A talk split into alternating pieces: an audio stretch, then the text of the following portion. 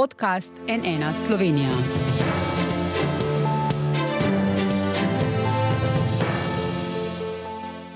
Dobr dan, to je NN studio. Kakšen politični teden je za nami? Golobova vlada se je tik pred zdajci spomnila, da bi ukinila nacionalni dan spomina na žrtve komunističnega nasilja, ki ga je tik pred zdajci, ko je upravljala le še takoče posle, uvedla Janševa vlada. Prvak SDS zdaj že govori o državljanski vojni, njegov vidni podpornik poziva k oboroževanju.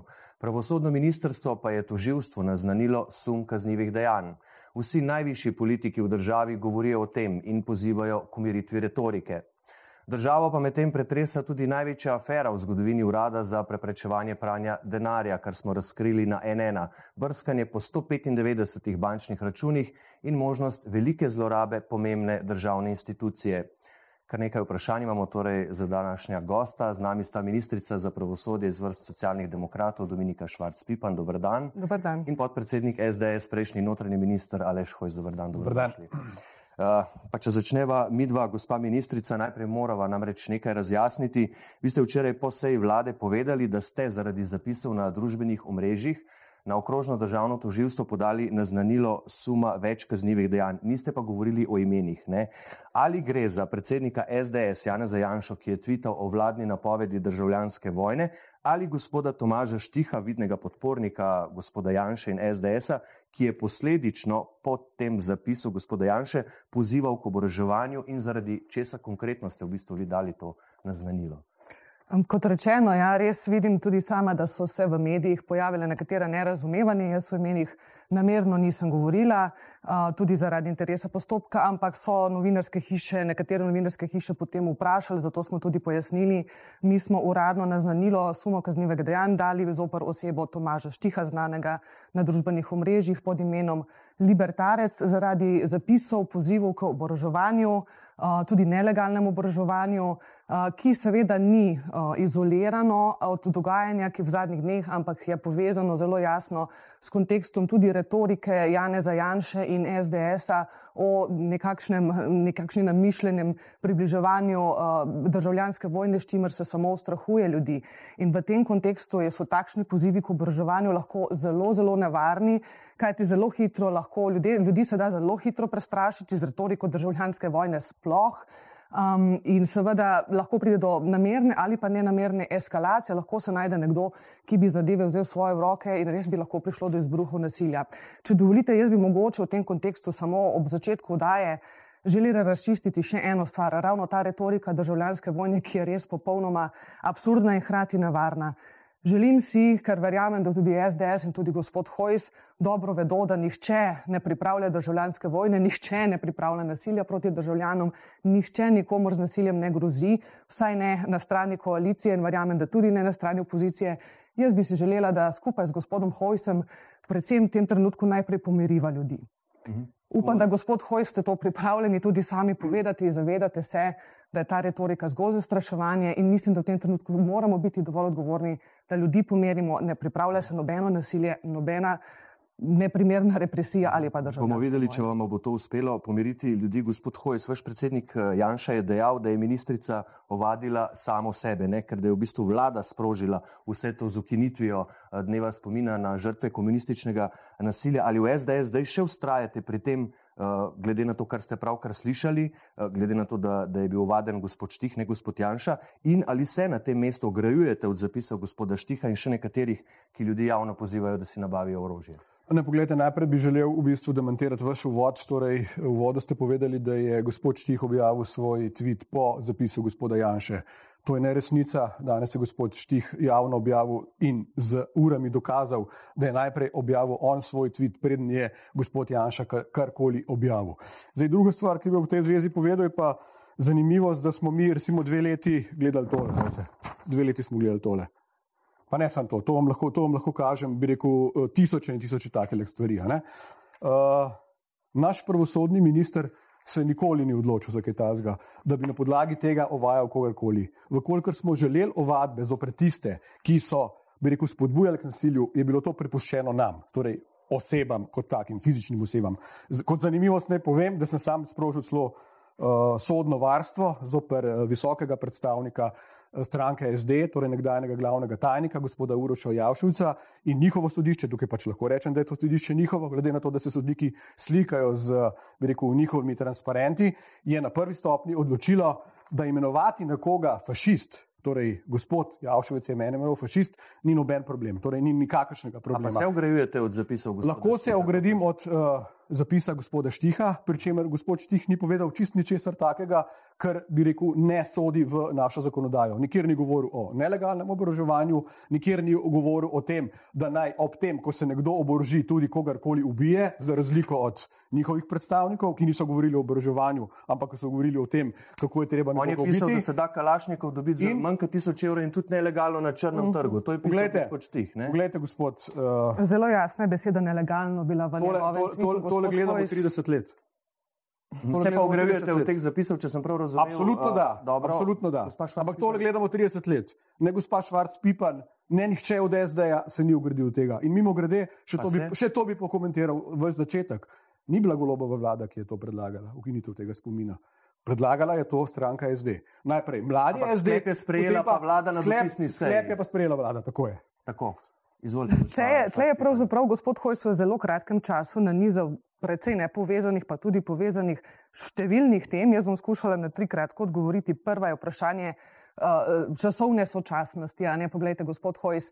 Uh, gospod Štih, jaz sem tudi videla danes ta njegov tweet, objavil ni tvita, ki je bil ključni povod za prijavo in to je tweet, kateremu poziva k legalnemu ali nelegalnemu oboroževanju.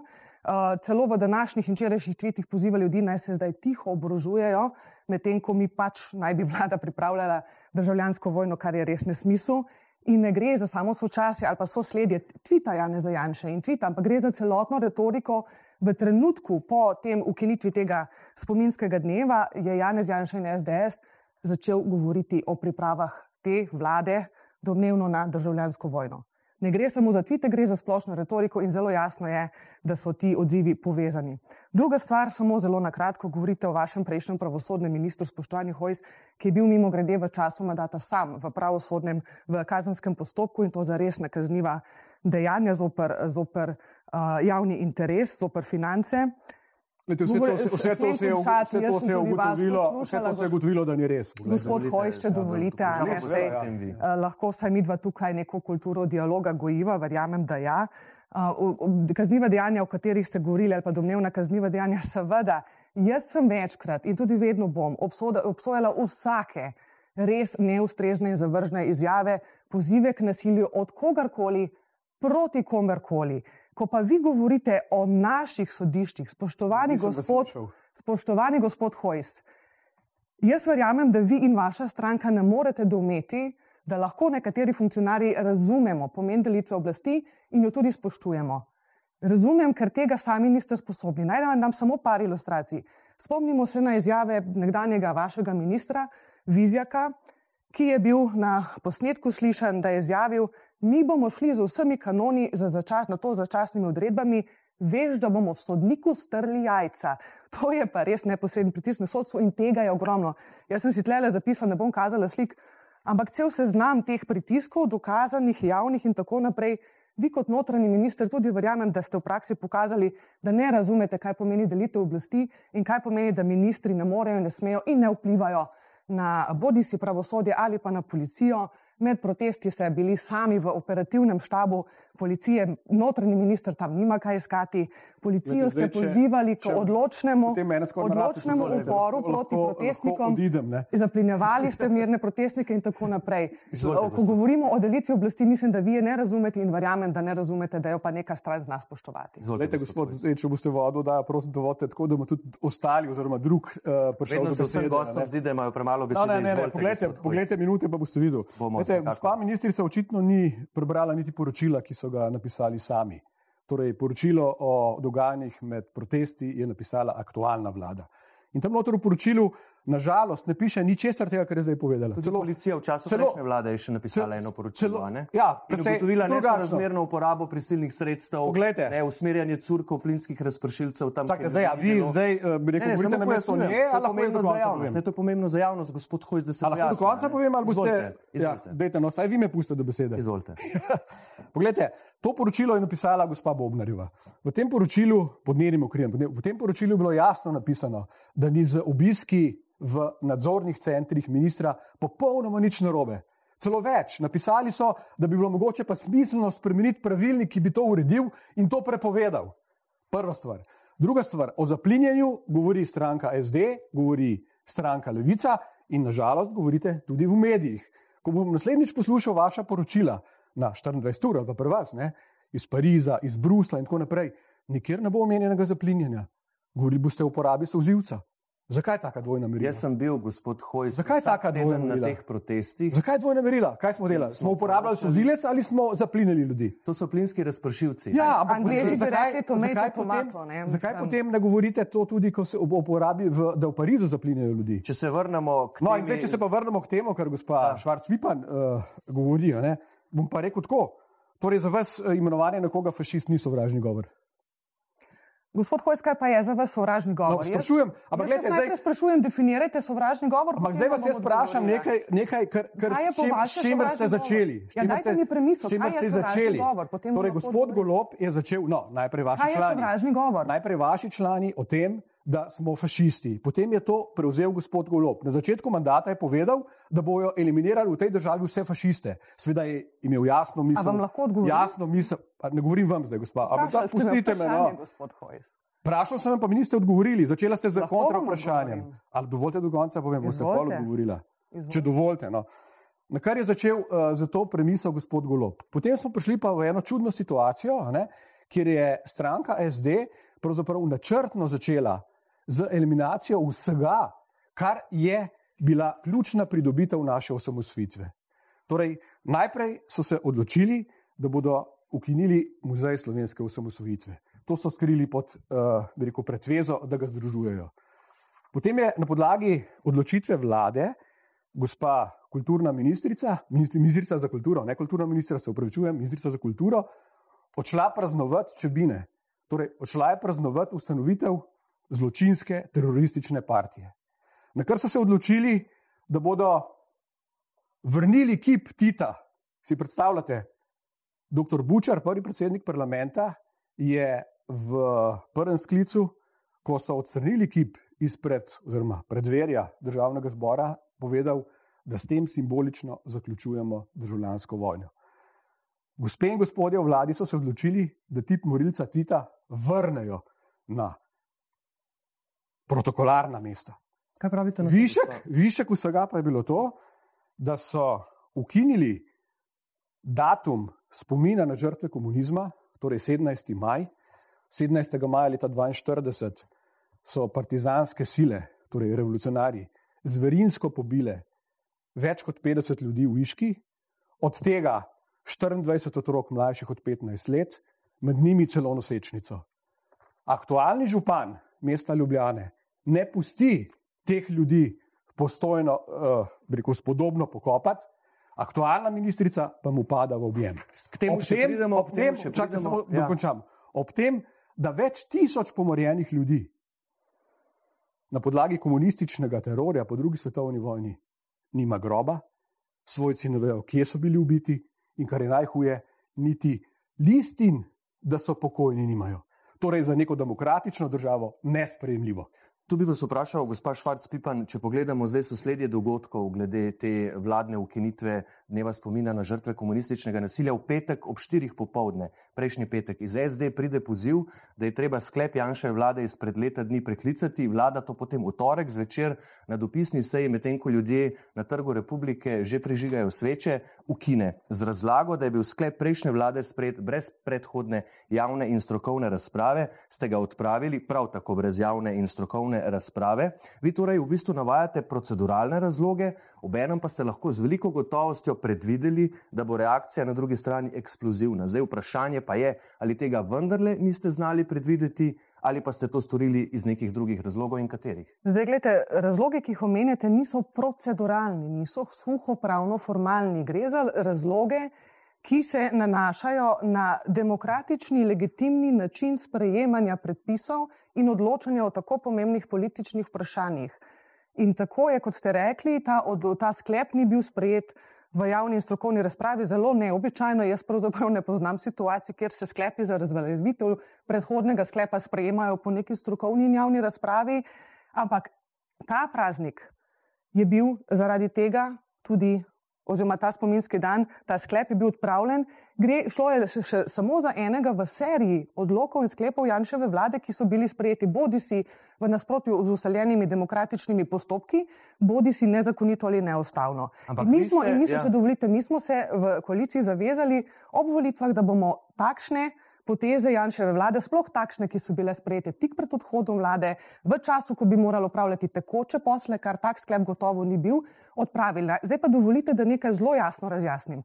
Nekaj dejstev, ki jih SDS in Hojs, gospod Hojs, ne bodo nikoli izpostavili, ker ne gredo v njihov narativ, da koalicija ali pa socialni demokrati zanikamo ali pa rehabilitiramo povojno nasilje. To ne drži. Tudi v teh dneh so naši poslanci, smo mi jasno povedali in še enkrat jasno povej, povem, obsojamo, nedvomno obsojamo povojno nasilje. Naj vas spomnim, gospod Hojs, vi gotovo Leta dobro. 42 dni povojno. Smem jaz zdaj končati. Gospod, lahko dobro veste, da je prejšnja Janševa vlada v letu 2012 sprejela oziroma potrdila nacionalno obeleževanje Evropskega dneva um, spomina na žrtev vseh, vseh totalitarnih režimov. Nihče, tudi ta vlada, tega spominskega dneva ne ukinja. Veste zakaj? Bil je sprejet v demokratičnem postopku. Na podlagi sprejetja resolucije Evropskega parlamenta leta 2009 ki je bila sprejeta seveda po široki strokovni in javni razpravi. Sej, govorite o postopku, ampak in mene tako, zanima, zakaj ste to naredili naprej. To je popolnoma nepomembno. Eno leto ste na oblasti od 1. junija lani, že lani, takoj po prevzemu oblasti, ste odpravljali tudi s pomočjo inštituta 8. marec njihovega zakona nekatere poteze prejšnje vlade. Tega pa niste storili. Dva razloga, lahko vam po povem. Eno, ste pozabili, ne. da je ta praznik? Pravzaprav, glede na to, kolikšna je bila količina teh spornih potez prejšnje vlade, nam res ne morete zameriti da nismo uspeli vsega odpraviti takoj, da nekatere stvari opazimo, ko pride, da rečem, nek določen dan, obletnica, če hočete, nekega sklepa in takrat eh, nekako skoči iz dokumentacije. Mi smo se najprej osredotočili na najbolj ključne sporne poteze, odprava blokade tožilcev, eh, odprava nezakonitih, neustavnih odlokov in tako naprej. Sedaj smo pa prišli do tega, to je nepovezano. Verjamem, in to zdaj pa bi rada, če dovolite, eno točko, ker verjamem, da se bo tudi hoj želel o tem pogovarjati. Namreč, pieteta do žrtev je nekaj posebno drugega kot zgodovinski revizionizem. Mi pieteto do žrtve izražamo, imamo 23. august, ga obeležujemo v Sloveniji, nihče tega ne ukinja. Na Ministrstvu za pravosodje še vedno deluje študijski center za narodno spravo. Nihče ga ne ukinja, ne ukinjam ga jaz in ga ne bom. Še vedno deluje komisija za popravo. Teh praznih besed lahko poslušamo tukaj. Kakšnih praznih besed, gospod, študijski center za narodno spravo in komisija za popravo? Tega ne ve, da leto, leto 1942 ni bilo medvojno obdobje. Če ste jo dobro poslušali, govorila o tem, kako se oni zavedajo povojnih pobojev. Leta 1942 je bila vojna, torej ta zverinsko, bi rekel, pobiti Romi so bili plot revolucionarnih partizanov, ki so to počeli brez kakršne koli osnove, češ da so bili to izdajalci. Zdaj, druga stvar. Gospod Hojs, ne želite, da se začnejo pogovarjati lahko, o številu jaz govorim. Skrivate kolaboracijo z nacifasizmom, kdo skriva, kdo skriva, gospa, gospa Švarc-Pipa, mi govorimo o žrtvah komunizma. Tem, mi govorimo o žrtvah komunizma. S tem želite gospa. odvrniti ne, pozornost kolaboracije, želimo, želimo, kolaboracije želimo te žrtve slovenskih državljanov gospa. z nacifašističnim režimom. O tem se več ne želite pogovarjati. Gospa. Na to, na te ljudje niso pokopani. Te ljudje nimajo. Gospod Hojs, vi ste se zlagali, vi ste se tukaj zlagali. Prosim, gospa, nehajte, nehajte mi govoriti. Romov je bila povedana laž. Gospa, nehajte mi govoriti. Ne nehajte, mi, nehajte mi skakati v besedo. Potem no. nehajte lagati, gospod. Nehajte skakati v besedo. Bom jaz tole presekal, ker je v bistvu naporno za gledalce, če govorite oba naenkrat, seveda ne slišijo nikogar, ne razumejo, kaj pripovedujete, pa v bistvu govorite o pomembnih stvarih. Mene zanima, gospod Hojs, a se vi strinjate s pozivi predsednice republike Nataše Pirc-Musar, da je treba na tej točki uh, komunikacije umiriti tudi v Novi Sloveniji, vaših koalicijskih partnerjih v prejšnji vladi pravijo, da takšni pozivi ne, uh, glede državljanske vojne, glede oboroževanja v bistvu ne prispevajo k umiritvi razmer. Uh, danes je eden od, oziroma dva dni nazaj je eden od uh, uporabnikov Twitterjev napisal, da je treba uh, v Afno je dal Tanjo Fajon, uh, pobiti kot uh, psa ali nekaj takega. Ne. Vnel se je silen prepir na Twitterju, na kar je gospod pojasnil, ne, da je naredil le copy-paste tistega tvita izpred nekaj let, kjer je nekdo napisal, tega psa Aleša Hojca je treba pobiti. Torej, dejansko smo v situaciji, ne, ko se gospe in gospodje sprenevedajo, kaj so počeli dve leta, sprenevedajo, da so pravzaprav oni generatorji vsega tega sovražnega govora v naši družbi, da so oni tisti, ki se klanjajo kronikom, ta slika je dobro znana. In seveda, pogledajte, če se pogovarjamo o tem, kako bomo nekoga uh, dostojno pokopali, kako bomo vsem tem ljudem, predvsem njihovim svojcem, uh, poskušali vsaj na, na rekel, civilizacijski način pomagati, da bodo prišli do uh, ustreznih listin o pobitih, mislim, da se v tej smeri pa res ne moramo pogovarjati o kakršnem koli sovražnem govoru. Ampak, in narediti, in narediti, lejte, in narediti to, kar je, in narediti to, kar je povedal, uh, kar je povedal gospod Vatovec, zelo plastično.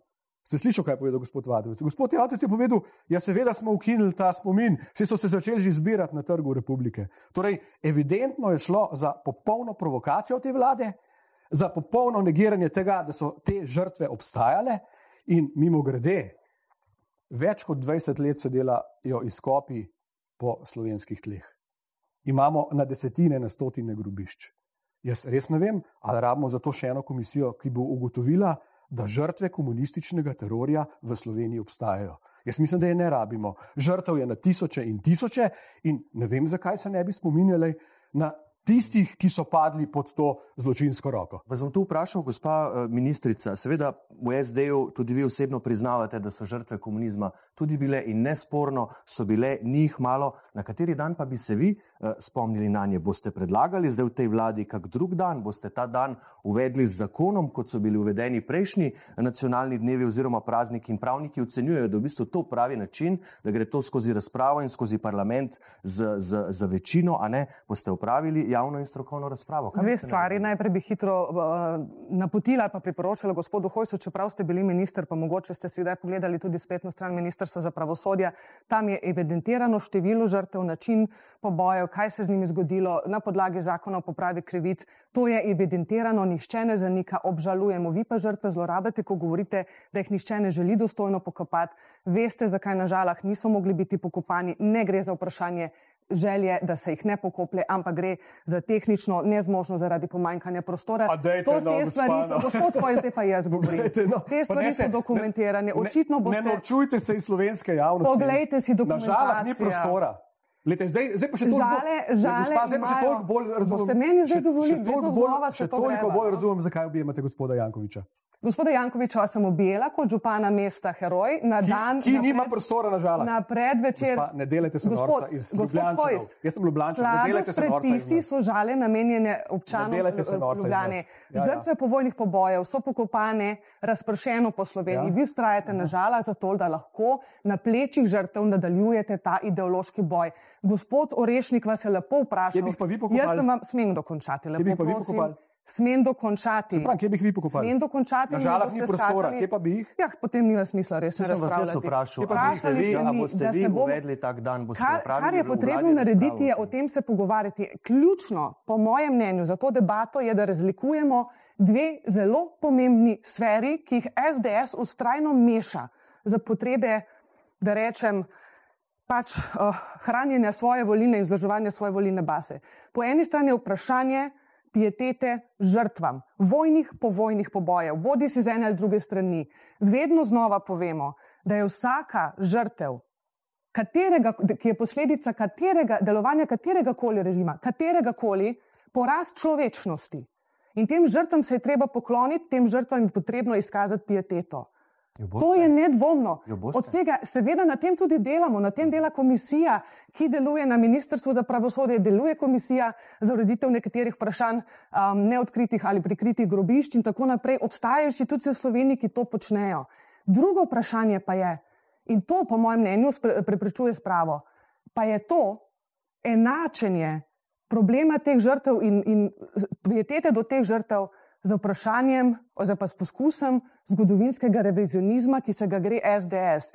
In moje, kot sem že prej povedala, iskreno mnenje, se zdi, da, se mi zdi, da je to grozljivo, je, da se na plečih teh žrtev bije bitka za poskus zgodovinskega revizionizma. To je odvratno. Zatem, ker se nekako navidezno osredotočajo na vprašanje žrtev, se skriva temno, temno dejstvo slovenske zgodovine, še bolj temno kot vprašanje povojnih pobojev in to je kolaboracija z nacifašizmom. Ja. Gospod, na revizionizem ne pristajamo. Ne, gospod Hoj, zdaj vam dam pa predlog. Roko sprave, če lahko, želite. Lahko Roko sprave skušala sem že na začetku, da skupaj pomiriva ljudi, niste želeli. Zdaj vas pa prosim, ali je mogoče, da se dejansko vsi osredotočimo na žrtve in nehamo revidirati zgodovino. Če to ni mogoče, potem tudi sprava ne bo možna. In to je tisto žalostno. Žrtve so ločeno vprašanje in ne smemo na njihovih plečih se iti ideološkega boja. Jaz moram reči, zelo težko poslušam te floskole. Lete, jaz sem prihajam iz družine, kjer so moji strici padli v partizanih. Torej, očitki o nekem rekel, revanšizmu ali pa o neki rekel, um, uh, ponovnem obujanju belogradizma, nekaj takega, kar veje iz njenih besed, ne, ne, je za ne mene, je za mene pravzaprav zavržno. Poglejte, zavržno. To sem ne sprevračate moje večkrat besed, povedal. gospod Hojs. Njena stranka ne, se je 30 let trudila, da nikoli nismo najdeli zločincev, da te zločinci nikoli niso bili procesirani. Vedel se je, kdo je naredil pomor v Igu, ve se je, kdo je moril ljudi po drugi svetovni vojni.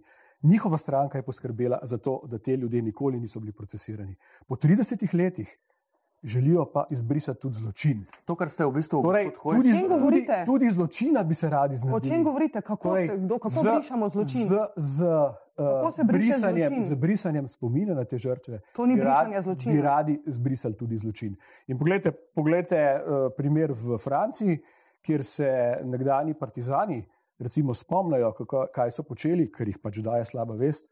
Ne mudoma začne zadevo procesirati tožilstvo. To bi Pri bilo- nas ja. v 30 letih ni bilo narejeno na tem področju nič. Bi Zakaj pa vi v eno- 30 zaradi- letih tega zaradi dneva niste razglasili SD. prej? Zaradi Zakaj ste ga pa vi SD? razglasili v času upravljanja tekočih poslov? Ampak Zakaj na ta ne način ne bomo nikamor prišli, gospa Seveda ne. ministrica. Dajmo Jaz bi imel eno vprašanje za vas, glede na to, reagira na pobude. da vam je gospod. Hojs preučitel objemanje uh, z županom Jankovičem. Ne, vi ste, eh, zaradi tega je bilo ogromno zgražanja, predvsem v SDS-u, vi se ne strinjate z ravnanji gospoda Jana Zajanše. Uh, In zato ste v bistvu takrat pred volitvami tudi odklonili uh, rokovanje z njim, ne, čeprav spomnimo, z gospodom Jankovičem pa ste se objemali. Ali torej ne vidite nič spornega v tem, da se pravosodna ministrica države članice Evropske unije objema z županom, ki se je zapletel v afero farmacevtka, ki je obremenjen s pravnomočno obtožnico, ki spet hodi na sodišče, da se vi z njim tovariško objemate. Kakšno sporočilo s tem pošiljate državljanom, ki pričakujejo, da bo zakon veljal za vse, da bo vladavina prava v Sloveniji na ravni Evrope leta 2023? Z dolžnim spoštovanjem ta zgodba meša jabolka in hruške na vseh možnih ra- ravneh. Prvič, gospod Jankovič je nedolžen, drugič, gospod Jankovič in domneva nedolžnosti velja.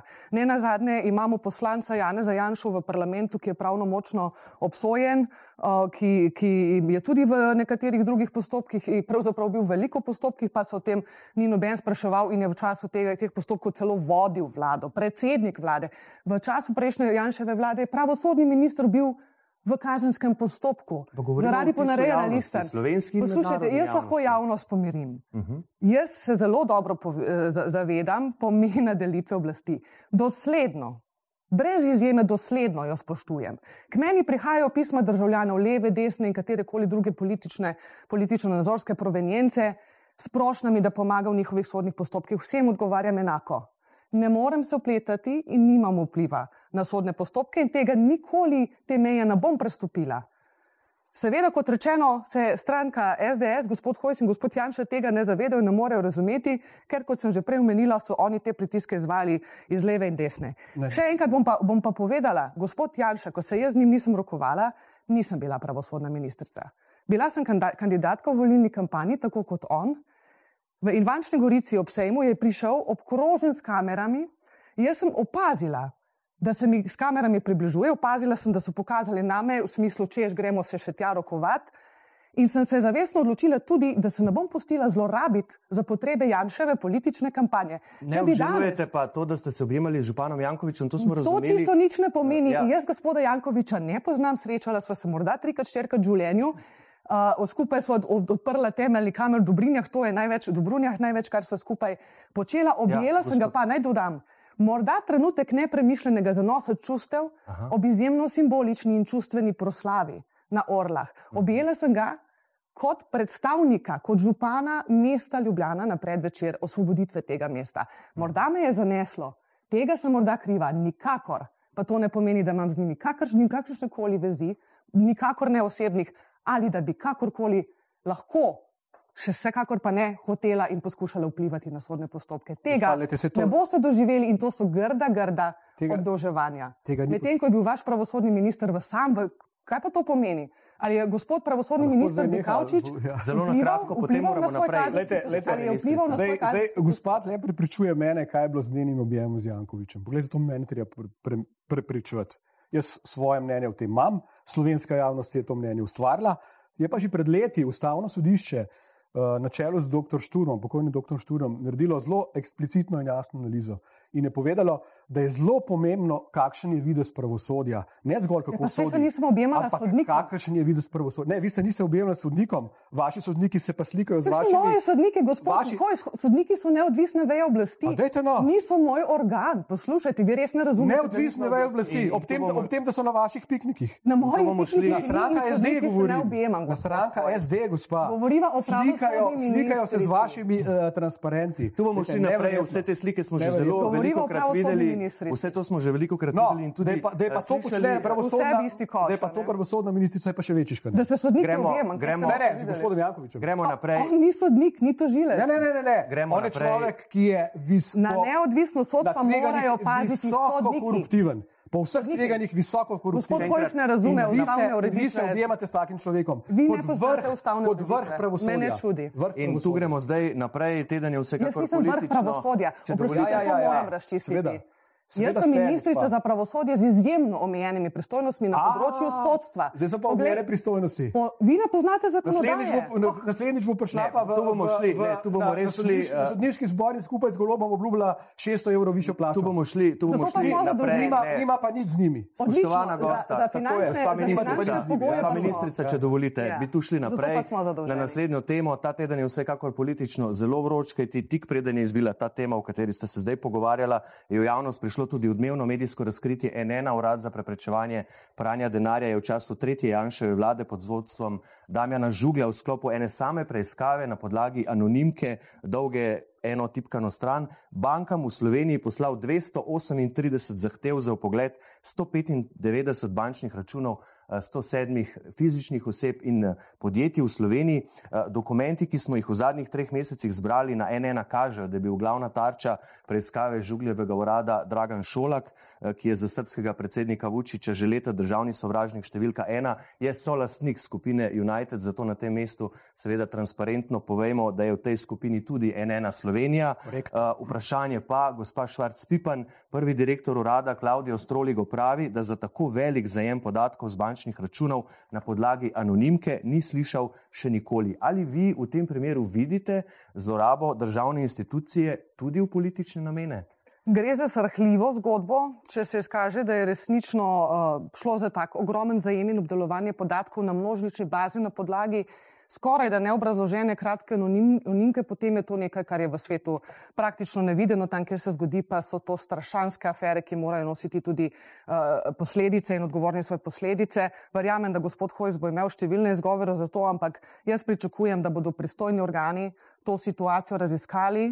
In če je prišlo do kršitve, kršitev, bodi si eh, na kazenski ravni ali kakršni drugi, tudi ukrepali. To je absolutno nevideno. No, res ne morem si predstavljati, gre za, za George Orwellovsko uh, situacijo, kakršne se nismo mogli predstavljati, da bomo v tem času videli. Tukaj se pa pogovarjamo o objemanju pravosodne ministrice z županom mesta Ljubljana ob tem- prazniku. Zdaj se s tem primerom da objem, da je objem zelo prizadel vsak drug stavek. Ne, ne, jaz- samo da jaz se vprašam, vračam veseljem, objem, ja. Samo da vas vprašam, gospod Hoj, zdaj se s tem Primerjam primerom po, težo, info- gospod Hojs. zdaj se s tem primerom po informacijah NN ukvarjata policija in toživstvo, ki ja. ugotavljata, ali je Žugelj pri tem zlorabil svoj položaj, morebitno politično odgovornost nosilcev javnih funkcij, pa bo tudi v tem primeru ugotavljala preiskovalna komisija v državnem zboru. Gospod Hojs, vi boste pred to komisijo povabljeni kot priča, kot nekdanji notranji eh, minister. Ste, ko ste bili v vladi, vedeli za ta primer, da se, na to, da se to na uradu za preprečevanje pranja denarja eh, dogaja? Kako ste reagirali, če ste vedeli in seveda, kako to brskanje po bančnih računih velikih razsežnosti komentirate? Ne, jaz za te upoglede nisem vedel. Absolutno podpiram to, kar je povedala gospa ministrica. Torej, podpiramo vsakršno preiskavo, ki bo dala kakršne koli rezultate, seveda, če bo preiskava korektna. Uh, lahko, korekt, uh, lahko seveda komentiram vaš uh, tudi korekten uvod. Ne, torej, jasno ste povedali, da ste v lasništvu tega gospoda, da morate to zdaj potencirati, to je meni povsem razumljivo. Bi pa komentiral izjave gospoda Stroliga, ne vem, če ste jih videli. Ne. Gospod Stroligo je, mislim, da na 24 ur ali pa na, vem, na dnevniku Ljubljanskem, rekel, nekaj deset minut razlagal, kdaj se pravzaprav lahko sploh začne preiskava.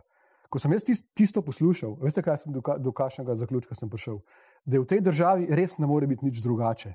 Torej, koliko imamo mi take aparačike na takih mestih, ki v bistvu ne začnejo preiskave na podlagi n argumentov, me ne čudi, da gospod ni našel milijarde upranega denarja v NLB-ju.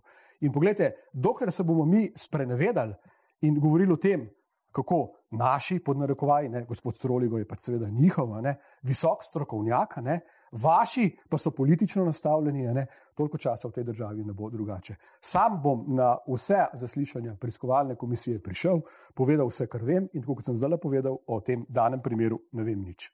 Gospod Švarcvipan.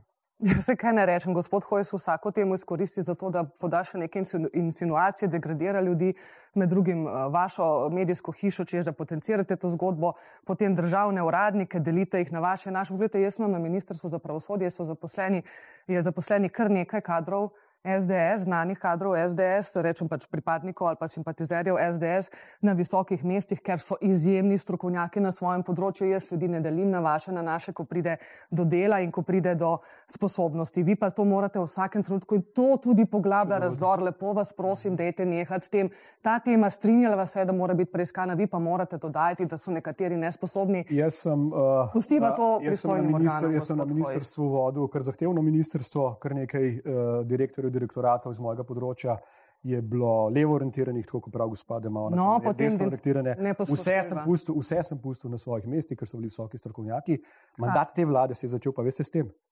Seznamom ljudi, seznamom ljudi, ki so bili zaposleni in seznamom tistih ljudi, ki so korektno sodelovali z nami.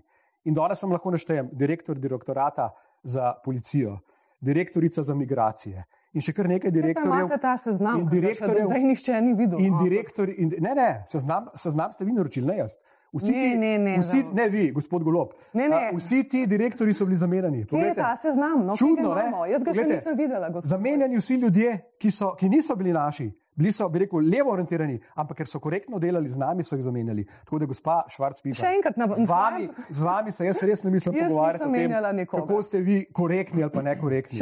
Vi ste svojo korektnost pokazali z zahtevo po seznamom teh ljudi, ker so mimo grede poceli nacisti pred drugo svetovno vojno, ko so delali, sezna seznam, ko so, ko so delali sezname judov. Čakajte, gospod, jaz ne vem, kje je seznam. Ja, pa jaz, vi govorite o njem, jaz, jaz ga nisem videla. Ja, se pravi, vi, vi zanikate, vi zanikate, da ste ga naročili. Jaz ga nisem videla nikoli, vi ne, pa pravite, da ne, jaz, jaz pravim, da ste vi naročili ta seznam. Jaz prav gotovo nisem čisti, če sem naročila in ta vlada. Gospod Golop je naročil ta seznam. Poslušajte, kje pa je ta seznam? Ja, to pa jaz ne vem, vsega nisem jaz naročil. A pa ste ga videli? Ne. Ja, kako potem govorite, da obstaja? Niste ja, ga jaz ne vem, če obstaja, vi ste ga naročili.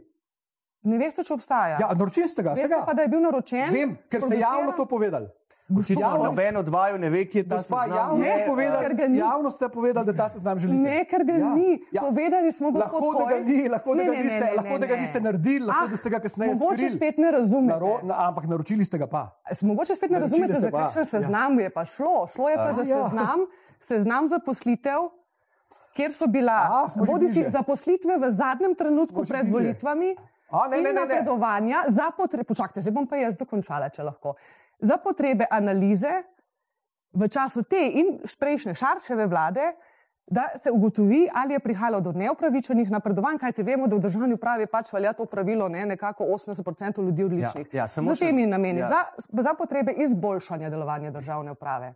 In zato, da vidimo, ali je prišlo do zlorab položajev v času tik pred volitvami. In to je edini seznam, v katerem se karkoli javno govori. Ja, Pa ta seznam je vendarle analiza javnega gospodarstva. Vse ste ga naredili pol. Za potrebe. Ja, potem ga imate. To ni seznam ljudi, kot vi pravite za vse. Ampak gledajte, vi ste paranoični. Dve minute, da ste ugotovili, da dve minute nazaj ste govorili, da ga nimate. Ja, zdaj ste ugotovili, zdaj ste govorili, zdaj ste govorili, da ga imate. In da ga delate zato, Mirno, da, in, in, ste, in ste povedali, da ga delate zato, vi govorite da boste, o drugem seznamu. Da boste analizo napredovanj naredili. Vi govorite o ja, drugem ja, torej seznamu. Jaz bom pa ugotovil, da se ne strinjate o tem, za kakšen seznam pravzaprav gre. In šel na zadnjo temo, ker smo že kar dolgo dolgi.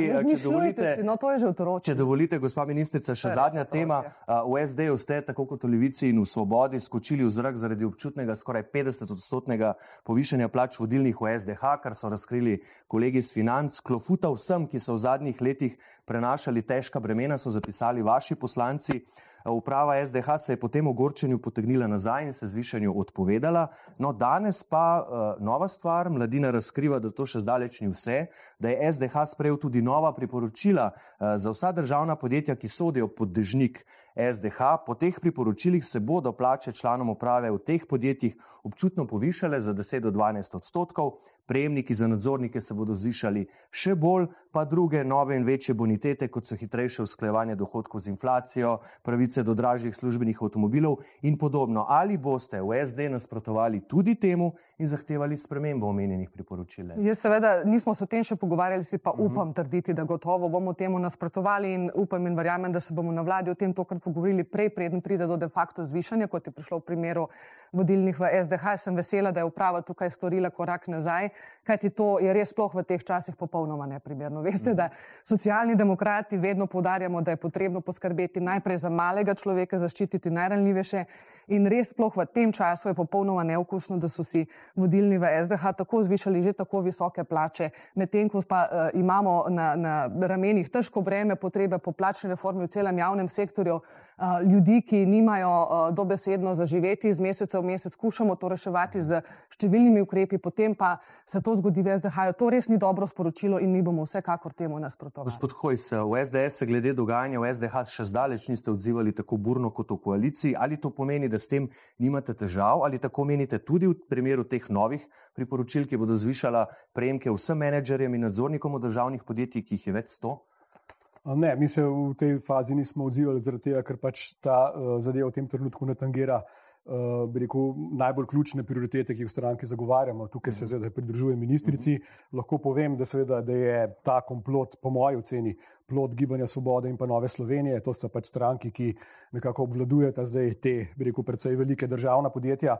Razumem pa, rekel, slabo voljo stranke SD in jaz verjamem, da je posledično ta srd zopr te plače v, v, na njihovi strani usmerjen tudi zato, ker so pač precej odrezani od kadrovanja v teh podjetjih. Ja, gospa Švarc-Pipan, SD je že večkrat dala v bistvu kar jasno, tudi javno nekateri, ne vaši člani, vedeti, da je kadrovanje v državnih podjetjih, ki ga vodi SDH, predvsem v času te koalicije v domeni svobode in da vas v bistvu nekako ne spustijo več zraven. A, a je tak odziv SD izraz tega nezadovoljstva, da v bistvu izgubljate vpliv v državnih podjetjih?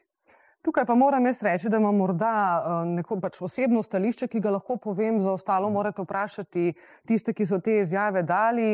Uh, jaz namreč uh, tudi živela sem 12 let v tujini, vse življenje delam in tudi, ker imam možnost zaposlovati, zaposlujem na podlagi uh, meritornih meril, se pravi sposobnosti.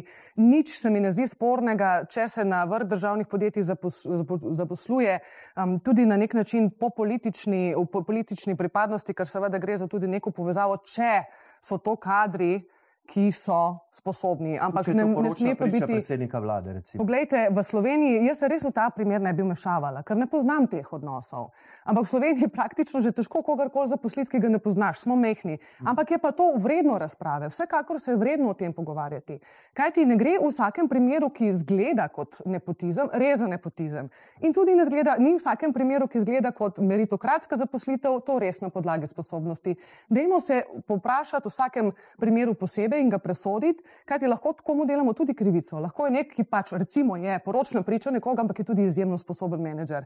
Ali bomo samo zato, ker ima osebno vez nekom, kar je v Sloveniji res uh, se hitro zgodi, re, da rečemo, odpisali in ga ne zaposlili na tistih mestih, kjer lahko kaj dobrega stori. Če pa temu ni tako. Glasni glede gospoda Matoza, ne, ki ga je prejšnja vlada, ki je odvetnik Jana Zajanše, ne, uh, v bistvu imenovala na nekatere ključne položaje, bil je tudi predsednik spet, upravnega odbora. Spet, jaz imam tukaj morda drugačen uh, pogled. Nič narobe s tem. Dobro. Jaz absolutno načelno vedno ustrajam na objektivnih merilih. Kot rečeno, tudi na ministrstvu so zaposleni kadri, nekateri so tam že bili, drugi so v času mojega mandata prišli, ki so simpatizeri dobro, SDS. Dobro. Pa smo jih zaposlili na vodilna ja. mesta, ker so izjemni kadri. In to je vse, kar mora na koncu. Zadnja bo vaša, gospod Hojs. No, jaz moram reči, da smo se mi um, na vladi, rekel, vsaj kar se tiče SDH, striktno izogibali uh, takim zamenjavam. Če se spomnite, smo takrat morali počakati tem se pač seveda strinjam z gospodom ministrico, da želi politika imeti nek posreden vpliv na podjetja, če je to v državni lasti, kar je po mojem tudi posebno logično. Ampak mi smo počakali, da so ljudem iztekli mandati. Ne? Če se pa spomnite začetek njihovega mandata, ne? so pa dvema, enemu vrhunskemu mednarodnemu strokovnjaku, doktorju fizike, v državnem zboru oduzeli mandat, čež da je nesposoben ali nekaj takega, podobno kot gospodu Dežmenu. In enako nekomu drugemu iz SDH. Zakaj? Zato, da so lahko imenovali svoje, zato, da so zasedli nadzorni svet in zato, da so začeli resnici na ljubo, potrebno povedati, kadrovati. Golobove prijatelje. Na zadnjem svetu je gospod Ivan Cimič, ki je bil v vrhu kursa pri vrsti in je zdaj tukaj. Uh, Kot najboljše, najboljše strokovnjake. Sej, včeraj je bila lepa analiza narejena, ne, kdo sedi v državnih podjetjih. Ne. Najožji krok gospoda Goloba, uh, ljudje, ki prihajajo iz Gena ne, in praktično nihče drug. Glede, Plus ljudje iz Nove Slovenije. Glede kadrovanj se v bistvu na neki načelni ravni morda celo strinjate, v ostalih stvarih pa, kot smo slišali, uh, niti ne. Bomo videli, uh, kakšen odgovor so dobili ljudje, ali sta jih uspela po tem burnem političnem tednu kaj pomiriti ali ne, to bomo še videli za danes. Imamo pa, čas, da gospod Hojs morda spošt... pove ljudem, da državljanske vojne za, ne bo, naj jih ne bo strah, da jih nihče ne pripravlja. Spoštovana gosta, spoštovana gosta, najlepša hvala, da ste prišla na NN, gospod Aleš Hojs, gospa ministrica Dominika Švarc-Pipan. Hvala. Hvala, hvala za vabilo. Hvala tudi seveda vam za vašo pozornost. Vse, kar se bo v zvezi s temami, ki smo jih danes odprli, dogajalo naprej, bomo seveda spremljali na nnainfo.si, zato nas spremljajte tudi vi. Iz studija pa le še lepo zdrav in nasvidenje v letu 2023.